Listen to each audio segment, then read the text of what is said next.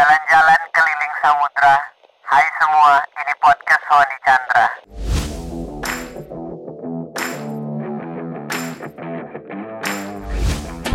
Halo, apa kabar? Gak kerasa hari ini adalah hari terakhir di 2020 Ya, 31 Desember dan besok sudah 2021 Tahun 2020 campur aduk banget Ada yang malah jadi titik balik seseorang Ada yang biasa-biasa aja Tapi nggak sedikit juga yang kecewa sama tahun ini karena banyak hal, mulai dari COVID-19 ataupun masalah lain yang kita hadapi bersama. Kalau gue ngomongin efek buruk dari COVID, dari Corona, lu juga udah tahu, pasti banyak banget. Semuanya kena dampak dari sekolah, swasta, pemerintah, industri apa pun bidangnya, pasti ada efek yang dirasain. Dan kalau misalnya ingin mengeluh, dan menyampaikan keluh kesah soal 2020 sebenarnya boleh-boleh aja karena it's okay to not be okay all the time. Tapi kali ini kita akan mencoba untuk melihat dari perspektif yang berbeda. Apa sih yang sebenarnya corona ingin ajarkan untuk kita semua dan apa yang bisa kita syukuri dari 2020? Kita mulai. Pertama, gue percaya bahwa apa yang terjadi sama kita saat ini adalah buah dari apa yang sudah kita lakukan di masa lalu, dan apa yang akan terjadi di masa depan tergantung sama apa yang kita lakukan di masa kini. Dan mungkin inilah kenyataan yang harus kita coba terima bersama, baik yang kita sadari maupun enggak. Kita harus terima bahwa ini terjadi akibat dari perbuatan kita bersama di masa lalu pembunuhan, penipuan, korupsi, kejahatan, atau apa pun itu pasti ada di mana-mana. Ini seperti kumpulan perbuatan buruk satu dunia yang ditumpuk dan kebetulan berbuahnya sekarang. Jadi ya menerimanya menurut gue adalah hal yang harus kita lakukan. Berhenti untuk kita nyalahin keadaan, bahkan nyalahin virus tersebut.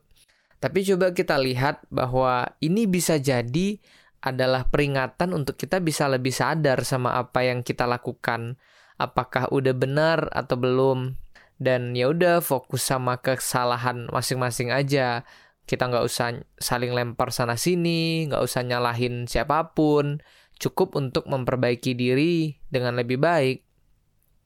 Kedua, gue merasa bahwa kondisi sekarang mengajarkan kita untuk fokus sama hal yang benar-benar penting aja.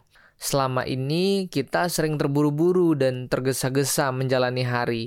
Terus gue juga ngerasa setahun ini kita dibuat slow down untuk refleksi ke dalam diri.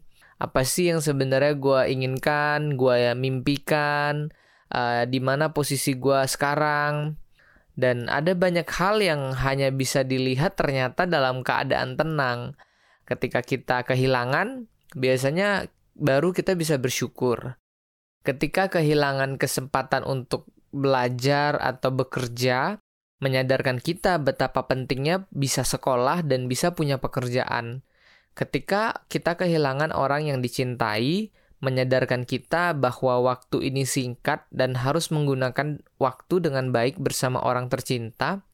Ketika uang, kesehatan, waktu, momen liburan, atau apa pun itu, gue percaya momen ini menyadarkan kita banyak hal berharga dalam hidup kita selama ini yang kita abaikan. Jadi ya kita harus bisa menikmati setiap momen yang kita jalani lebih mindful, dan fokus sama hal-hal yang ada di sekitar kita. Ketiga, Corona mengajarkan kita bahwa dalam hidup nggak ada yang pasti dan kita bukan siapa-siapa. Apa pun bisa terjadi bahkan hanya karena satu pertemuan. Sehingga penting untuk kita bisa lebih rendah hati dan nggak merasa paling hebat. Ketika kita berhasil, biasanya kita lupa bahwa ada kekuatan yang lebih besar yang selama ini membantu kita. Ketika kita gagal, kita malah menyalahkan keadaan atau pihak tertentu. Jadi ya, kita harus bisa menjalani hari sebaik mungkin. fokus sama 24 jam yang ada di depan kita. Walau kadang boleh untuk merencanakan mimpi atau plan jangka panjang, tapi juga jangan sampai melewatkan masa kini yang lebih berarti. Corona juga mengajarkan kita bahwa kita ini kecil sekali. Melalui masalah ini, ini bukan masalah satu orang, satu keluarga, atau satu negara, tapi ini masalah satu bumi, seisi dunia merasakan hal yang sama. Terlalu sempit rasanya jika kita mengkotak-kotakkan keluarga kita hanya berdasarkan variabel tertentu. Jadi nggak peduli apa pun agama kita, ras, suku, bangsa, eh, gender, atau berbagai perbedaan lainnya, pada intinya sebenarnya kita adalah sama, sama-sama dilahirkan dan harus saling menghargai serta mencintai, gotong royong bersama untuk bisa bahu-membahu melewati ini semua. Keempat, kita harus bersyukur karena corona membuat kita sangat tidak nyaman. Kita dipaksa untuk adaptasi dan bertumbuh secepat mungkin. Gue selalu percaya masa sulit adalah masa yang mengajarkan kita banyak hal. Anggur dihancurkan agar jadi wine, besi ditempa agar jadi baja, emas dipanaskan agar jadi berlian, dan gue percaya kita juga pasti akan jadi lebih baik dan lebih dewasa ketika kita sudah melewati masa sulit ini. Dari segi teknologi, kita dipaksa untuk memaksimalkan teknologi digital, belajar hal baru, dan bahkan banyak inovasi yang lahir karena kondisi sulit ini. Meeting online, pekerjaan remote yang bisa dilakukan di mana aja, bahkan belajar pun juga dilakukan dari rumah. Kita juga belajar mengendalikan diri, emosi, dan depresi. Karena kita banyak di rumah aja, kita harus bisa membuat diri ini nyaman sama diri sendiri. Jadi lebih mandiri, lebih kuat, dan lebih adaptif. Banyak hal-hal yang sebelumnya kita nggak pernah lakukan. Karena corona, jadi mau nggak mau harus kita lakukan. Jaga kebersihan misalnya, mencuci tangan, berolahraga, melek sama teknologi, dan bisa lihat peluang serta solusi baru dari setiap kejadian.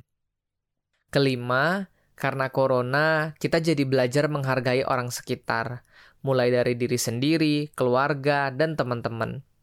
Ternyata kesepian itu sangat nggak enak, dan sendiri belum tentu kesepian. Bersama orang lain juga belum tentu damai, yang terpenting, mau kita sendiri atau bersama orang lain, ya kita harus damai dulu sama diri kita sendiri. Terus selama ini, hal yang kita anggap biasa ternyata berarti banget. Sekedar nanya kabar sama orang, atau kirim makanan, dan momen-momen lainnya yang saat ini kita jadi peka sama perbuatan orang sekitar. Corona juga ingatin kita bahwa kita harus apresiasi berbagai hal dalam hidup entah itu pekerjaan, sekolah, atau hubungan dengan orang lain. Karena hal-hal yang kita lakuin terus-menerus dan biasanya udah jadi rutinitas, kita jadi kehilangan makna dan hasrat untuk menghargainya. Nah, melalui kejadian ini, kita jadi diingatkan sama hal yang penting namun tidak mendesak yang selama ini jarang kita lakukan. Baca buku, olahraga, ngobrol sama keluarga, orang tua, teman, meditasi, atau sekedar menyiram tanaman, kita jadi punya hobi baru atau hobi lama yang mulai kita kerjakan lagi. Dan juga kita jadi lebih sering ibadah, mendekatkan diri sama Tuhan yang selama ini sayang banget sama kita, yang selalu kasih kita kekuatan. Mungkin itu hal yang bisa gue syukuri dari tahun ini.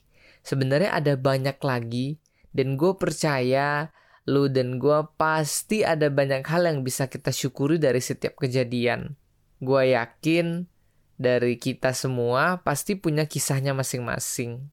Gue ingin kita bersama saling mengingatkan bahwa kita nggak sendirian, kita punya orang-orang baik yang ada di sekitar kita yang peduli sama kita, minimal diri kita sendiri. Kadang dunia mungkin mengecewakan kita, tapi percayalah, Tuhan tidak akan pernah melakukannya, jadi jangan pernah kecewakan Tuhan. Gak perlu minta untuk dihapuskan masalah atau dihilangkan, karena masalah yang buat kita tumbuh dan jadi lebih kuat. Tapi ayo kita berdoa agar Tuhan beri kita kekuatan dan kesabaran menghadapi segala cobaan. Gua dan lu pasti bisa. Kita sama-sama melangkah lebih baik lagi untuk tahun 2021. Semoga kita bisa susun rencana yang akan kita laksanakan sebaik mungkin. Semoga yang terbaik selalu memberkati gua dan lu serta kita semua seisi bumi di tahun 2021 dan seterusnya. Gua Hoandi dan gua masih belajar. Selamat tahun baru.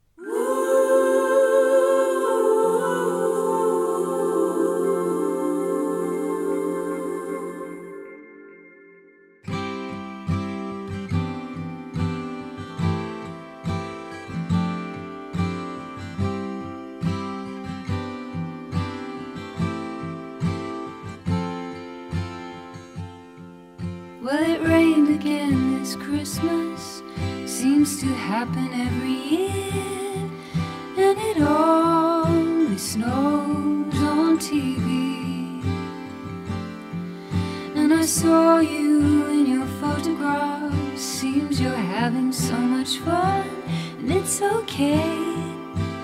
You don't belong to me. And how I hate this time of dark and it's cold, and I feel I'm getting older. And I wonder, are you all?